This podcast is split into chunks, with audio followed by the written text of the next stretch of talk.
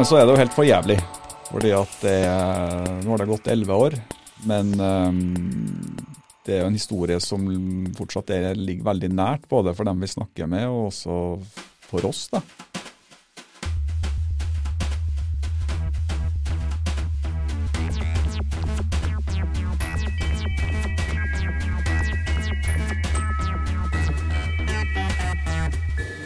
Sjøl om eh, våre to siste regjeringer har sagt at markeringa av terroren i 2011 skal tones noe ned etter tiårsmilepælen i fjor, er det ugjenkallelig sommer og juli igjen nå.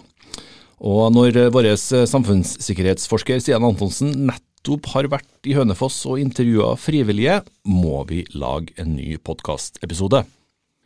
Forskerpodden er NTNU Samfunnsforsknings egen podkast og spilles inn i studio på Dragvoll i Trondheim. Programleder er som vanlig Vegard Y. Smevold. Velkommen til episoden som tar oss tilbake til den verste fredagen. Stian Antonsen, velkommen tilbake til Forskerpodden. Tusen takk. Du har eh, vært der eh, ganske mange ganger før, du. Og for våre faste lyttere så er du en kjent forsker på samfunnssikkerhetsfeltet. Og vi hadde deg bl.a. i studio i september, da vi gjenåpna landet den første gangen. Eh, og så var du tilbake igjen i desember samme år og oppsummert forskningsåret. Og da hadde vi allerede rukket å stenge ned landet litt igjen. Sånn eh, gikk det, men eh, i dag så skal vi legge pandemien eh, fullstendig bak oss og snakke om en krise som har fått minst like store ringvirkninger for Norge. Du har nemlig nylig vært på feltarbeid på Østlandet, Stian. Hvor har du vært? Jeg har vært i vakre Hole kommune ved Tyrifjorden.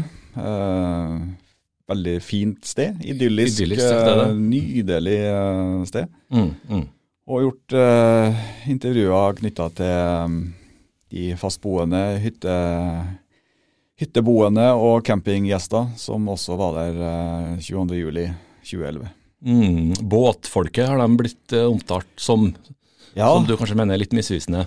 Ja, det er jo noen som er ute i båt, men det er jo en uh, ganske stor operasjon. Det er veldig mange involvert som gjør en uh, helt ekstraordinær innsats i en helt ekstraordinær situasjon.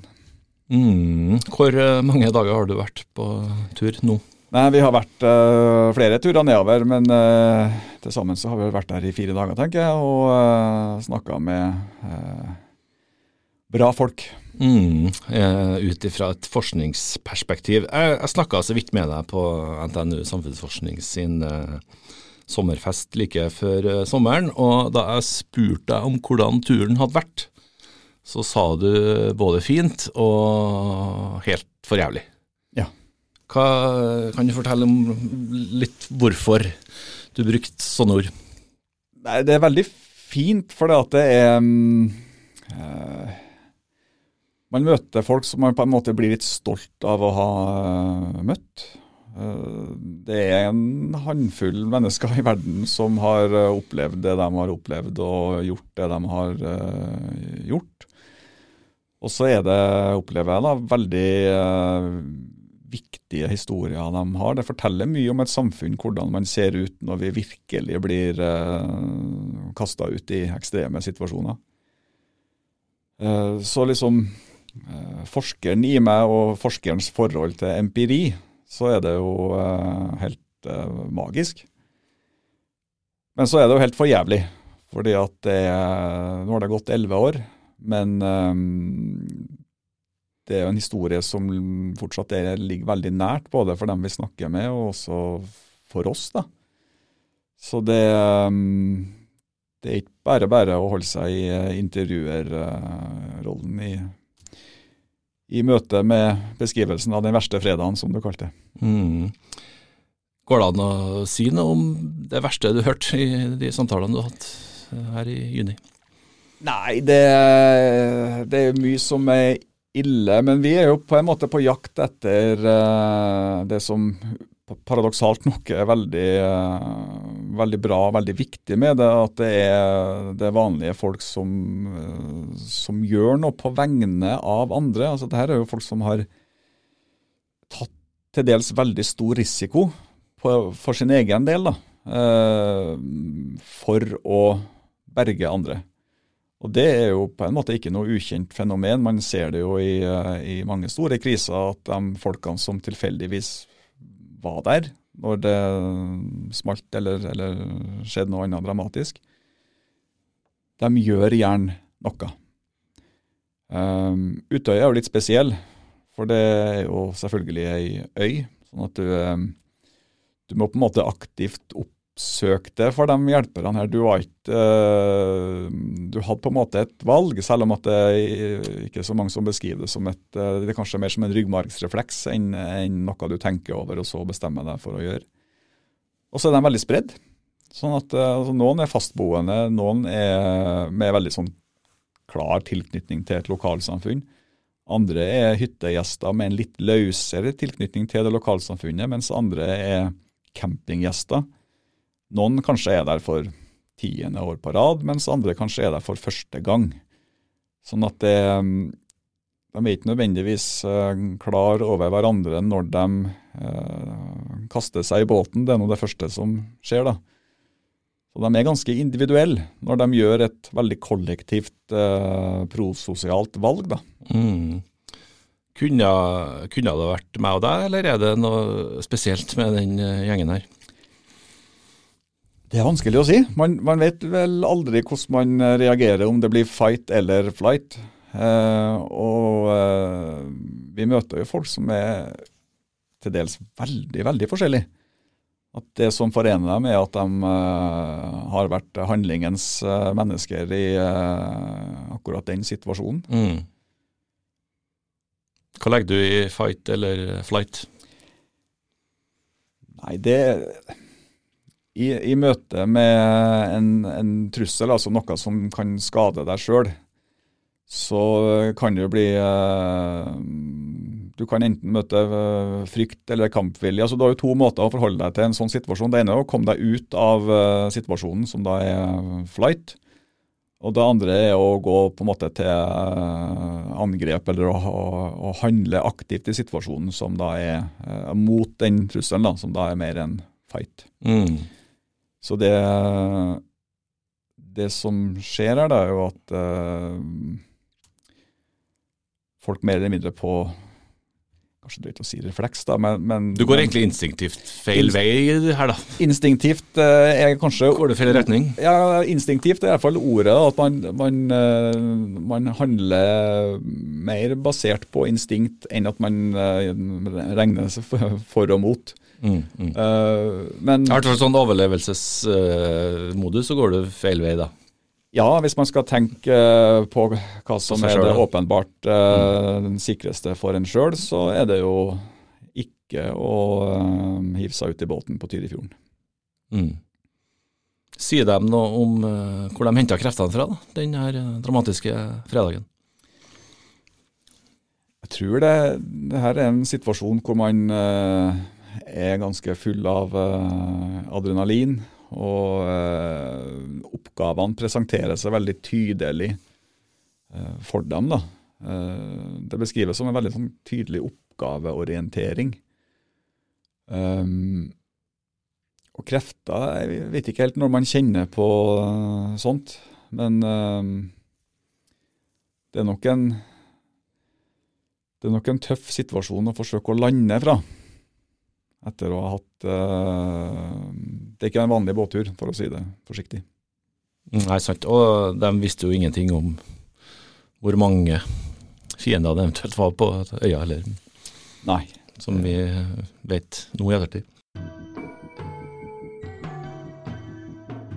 I forskninga om 22.07, Stian, så har denne innsatsen mer eller mindre vært uh, oversett. Hvorfor har det blitt sånn? Det der er litt rart. Altså, um, det har jo blitt uh, utdelt uh, fortjenstmedaljer både i gull og sølv, og uh, til dels også i andre land. Så det er ikke det at hjelperne har blitt glemt. Men forskninga på 22. juli har kanskje ikke vært like påpasselig på akkurat dem. Det har vært skrevet veldig mye og veldig mye bra, både om, eh, om uh, ofrene i ettertid, om pårørende i ettertid, og selvfølgelig også da om uh, blålysetatene sin rolle. Ja, mm. beredskapsinnsatsen rundt det. da. Mm. Men jeg lurer på om det kan ha noe å gjøre med uh, De er på en måte vanskelig å sette en merkelapp på. Uh, vi innleda med, med, båthjelpere som et uh, ord. Det er litt viktig å være klar over at det, det er jo mange som er ute i båt. Men det de gjør, er jo å, å plukke skadde, vettskremte barn både fra sjøen og fra øya. Og kjøre dem i land. Men det er jo ikke over når de kommer i land. Så det står jo et eh, stort apparat på land, også av sånne spontane frivillige. Man kan jo diskutere hvor frivillig frivilligheten er noen gang. da. De, de dumper nå liksom i, eh, oppi det på et vis òg. Eh, men Og så skal de jo også da fraktes. En ting er at du skal ta, noe, ta, imot og sørge for at de får klær og håndduk eller pledd eller hva det er. Og så skal de jo også da videre bli tatt hånd om av andre. Sånn at det, det er helt lett å gi dem en kategori. De er ikke pårørende, de er ikke eh, offer i samme forstand. Og de er jo eh, i hvert fall ikke politi eller ambulansepersonell. De er ikke øyenvitner heller? Jo, det er de jo for så vidt. De det, Men de er jo uorganisert. Ja. Sånn at um, hvis du skal uh, få tak i dem og gi dem en kategori, så skal du, du skal lete ganske lenge. Og det må jeg bare si at um, Hole kommune, lille Hole kommune, jo, var en av dem som virkelig kom eh, Som fikk honnør fra, fra 22. Eh, juli-kommisjonen. Men som også har gjort et arbeid i etterkant med å følge opp eh, også da de her hjelperne. På en måte som man eh, nesten ikke skulle tro det var kapasitet til i en så liten kommune. Mm. Så eh, Hole har gjort den jobben som nasjonale myndigheter burde ha gjort, da. Mener du det, eller? Nei, det er vel alltid sånn at det, det nærmeste leddet som både kjenner folkene best, og som også har et veldig nært forhold til hendelsen. Jeg tror eh, kanskje ikke man skal undervurdere det, det, å få en oppfølging av noen som vet. Noen som kanskje også hadde sin rolle i, eh, i den dagen, og som, eh, som er der over tid. For det, det har en pris å gjøre de inngripe noen her. altså Man har uh, opplevd ting og sett ting, og også måtte ha gjort noen avveininger underveis som, som du ikke uh, legger bak deg så enkelt. da. Og Da tror jeg nok det er en fordel at du har et oppfølgingsapparat som er nært deg, og som du som vet hvem du er og hva du har uh, gjennomgått. Mm.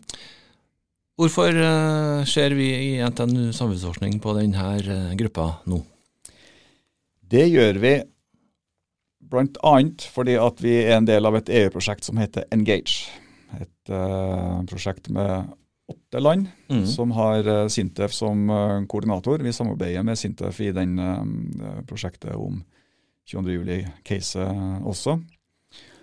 Og bak det prosjektet så ligger det en ambisjon om at vi må, um, vi må også forstå ordet samfunn i samfunnssikkerhet. Det er lett å bli opptatt av det planlagte og det styrte og det som noen har ansvaret for. Men så er det nå engang sånn at det også er egenskaper ved samfunnet, altså som sosialt system, som gjør oss mer eller mindre kall det motstandsdyktige eller handlekraftige når uh, man trenger.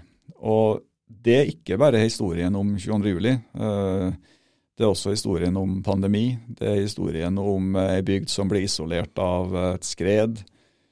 Ehm, som regel så eh, blir både handlekraften og også til dels improvisasjonsevnen ganske stor når, eh, når, ting haster, og man kanskje også da gjenkjenner at det er noen som, som, trenger hjelp, og at noen andre har ressurser som kan utgjøre en forskjell. Mm. Eh, politi, eh, brann, ambulanse, de øver. Den gjengen her øver ikke. Det er riktig. Mm. Eh, hva håper dere å få ut av arbeidet? Vi håper å uh, bli bedre i stand til å uh, gi det et språk. Og både for å kunne gi det synlighet sånn i det, i det i dagligspråket, at det her ikke blir like lett uh, glemt. Men også fylle Nå er det veldig uh, hot å snakke om resiliens og samfunnsmessig resiliens. Så er jo ikke det verdens letteste ord å oversette, men det har noe å gjøre med, med Det er jo henta fra epidemiologi, biologi, at man man er, motstandsdyktig, man har et immunforsvar mot et eller annet, at det er noe spontant som skjer. da. Mm, mm. Um, og da er det vanskelig å komme bort ifra at uh, både samfunn og lokalsamfunn er uh, ressurser eller kilder til trygghet og sikkerhet i seg sjøl.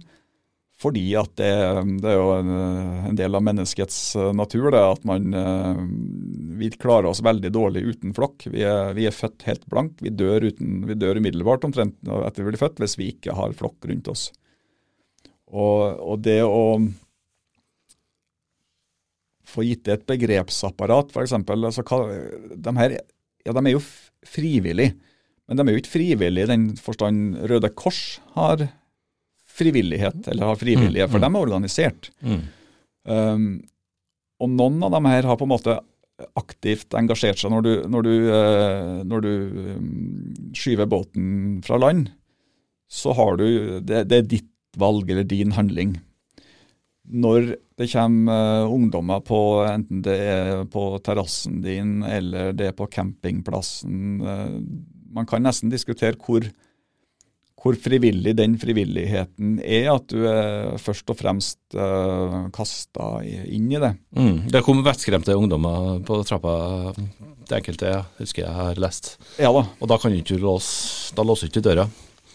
Nei, det, det har vært uh, en enorm mobilisering i de, i de timene her. Det er det absolutt ingen tvil om. Mm, mm. Jeg har lest at dere ønsker bl.a. å lære hva som gjør at vanlige mennesker kan gjøre en uvurderlig forskjell i ekstreme situasjoner. Har du, har du skjønt det nå, etter samtalene dere har hatt? Ja, både ja og nei. Jeg tror det vi, vi, toucher inn på ting som er veldig, uh, veldig nært. Uh, hva et, uh, hva et, menneske er og ikke er, og hva, hva, samfunnsdelen i mennesket er. Men samtidig så, så er det Responser er forskjellige. Og det er veldig vanskelig å generalisere ut fra å si at nei, sånn, sånn var det. Derfor uh, var det folk gjorde Vanlige folk gjorde helt uvanlige ting.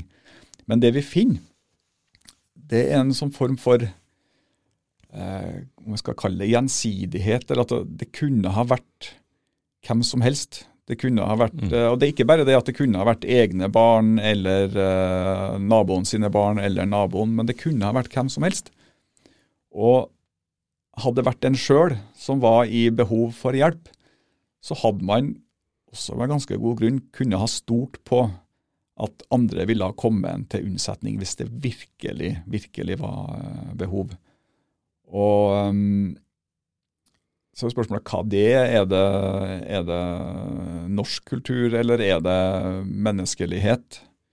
Det, jeg tror det kan godt hende at det er litt av begge deler. Men, men det ligger en sånn her generalisert gjensidighet om at veldig ofte så får vi eh, hjelp av andre mennesker når vi eh, virkelig er i nød. Her skal dere jobbe mer med fremover. Hvordan ser prosjektet ut? Eh, hva er det neste du skal jobbe med?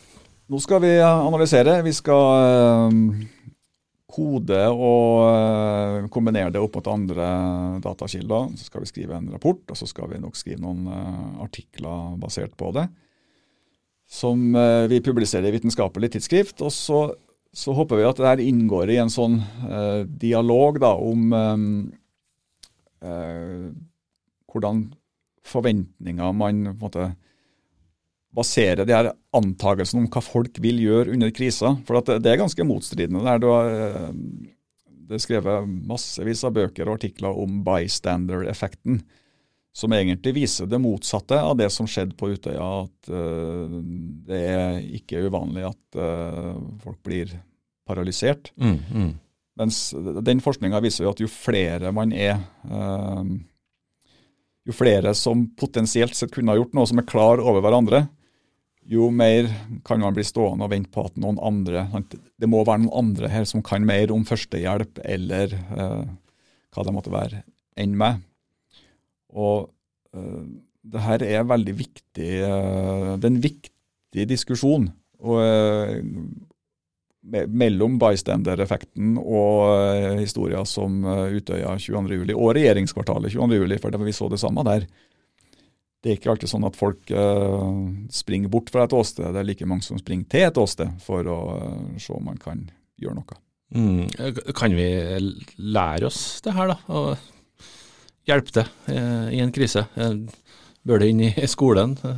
Ja, det sånn, lurer jeg nesten litt på. Åpne spørsmål der, men Jo, men det er et veldig godt spørsmål. Sant? For når vi kjører bil, så har vi jo en, vi har jo en plikt. Vi har jo førstehjelpskurs osv., men Jo, men, men, ta den metaforen, da. Mm. For, for, å få et, for å få førerkort, mm.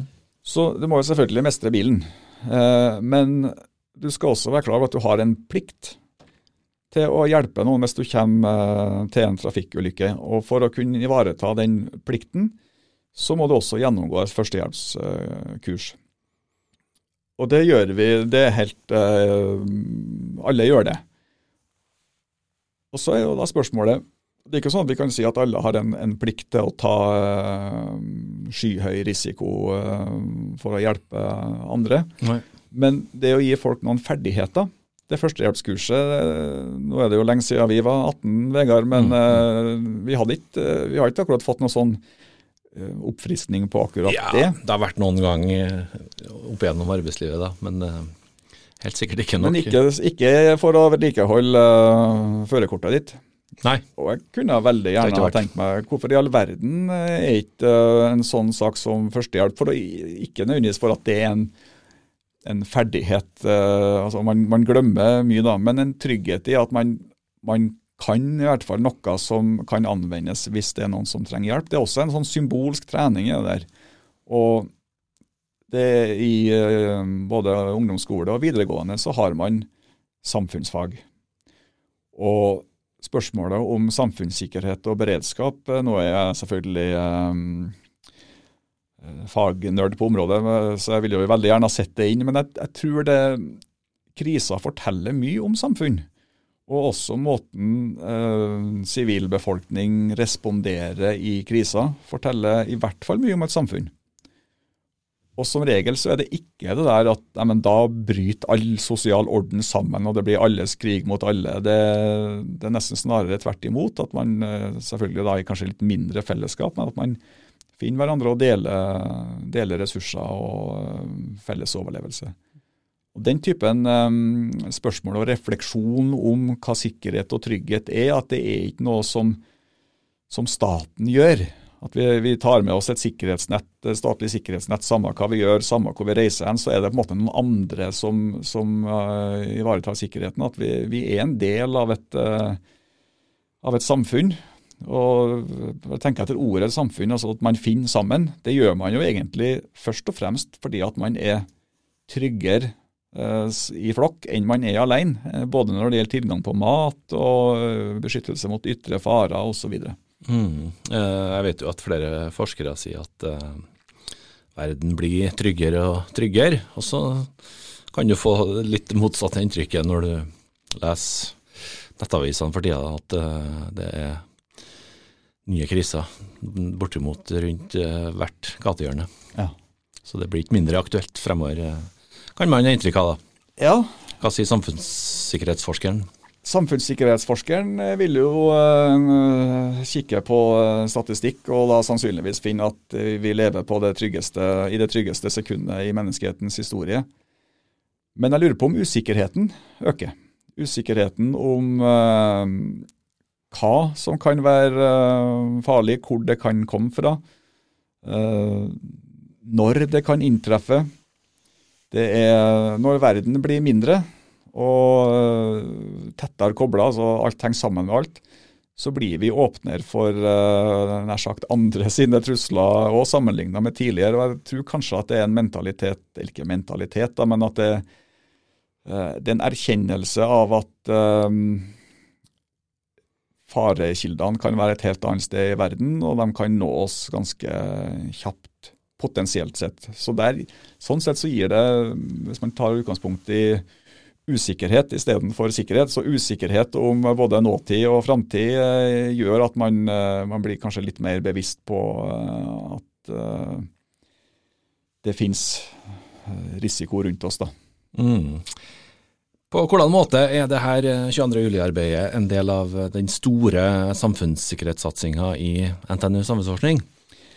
Ja, I den satsinga så har vi jo eh, egentlig gjort litt av den samme bevegelsen. da, Fra å, å, se på samfunnssikkerhet som er et sånt litt instrumentelt, snevert fagområde, så vier vi det ut mer i retning av å forstå hva samfunnet er, og hvordan samfunnet er en kilde til trygghet både på kort og på lang sikt. Så der henger det veldig tett sammen.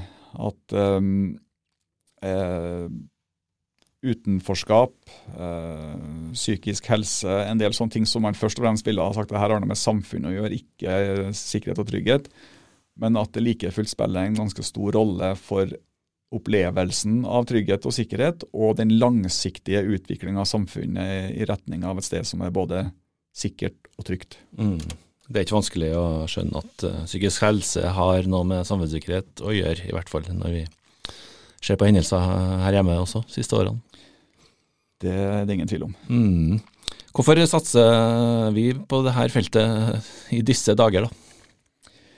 Nei, vi gjør jo det fordi at vi, eh, vi er jo et, eh, et, selskap som egentlig Vi er jo små nok til at det ikke trenger å være veldig krevende å, å ha, ha, samhandling på tvers av uh, fag Det som kunne ha vært fagsiloer.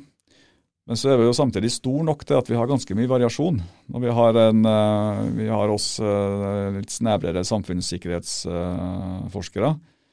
Samtidig som vi har eh, kompetansesenter på psykisk helse og en forskningsavdeling på psykisk helsearbeid. Og så har vi eh, avdeling på mangfold og inkludering, som eh, ser mer på den langsiktige samfunnsutviklinga og integrasjonsspørsmålet spesielt. Og så har vi jo til og med romforskerne, som er i samfunnssikkerhetssammenheng kjempeviktig. For en del av den sårbarheten vi uh, omgir oss med, går i bane. Uh, satellittbaserte systemer som er supersentrale for andre infrastrukturer.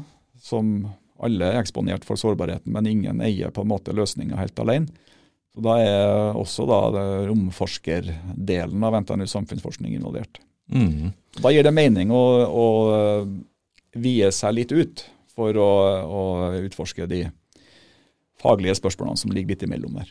Høres eh, helt riktig ut, og det betyr jo da at alle våre avdelinger er representert i det her nye senteret, som heter Senter for forskning på trygghet og sikkerhet i samfunnet. Veldig bra, Stian. Takk eh, nok en gang eh, for besøket her i Forskerpodden studio. Selv takk. Så får vi krysse fingrene for at det blir en eh, rolig og fin eh, sommer. Uten de store fæle hendelsene. Eh, Forskerpodden tar straks en liten sommerferie, men så er vi tilbake igjen til høsten. Forskerpodden er NTNU Samfunnsforsknings egen podkast, og navnet mitt er Vegard Ystad Spevold. Vi høres neste gang.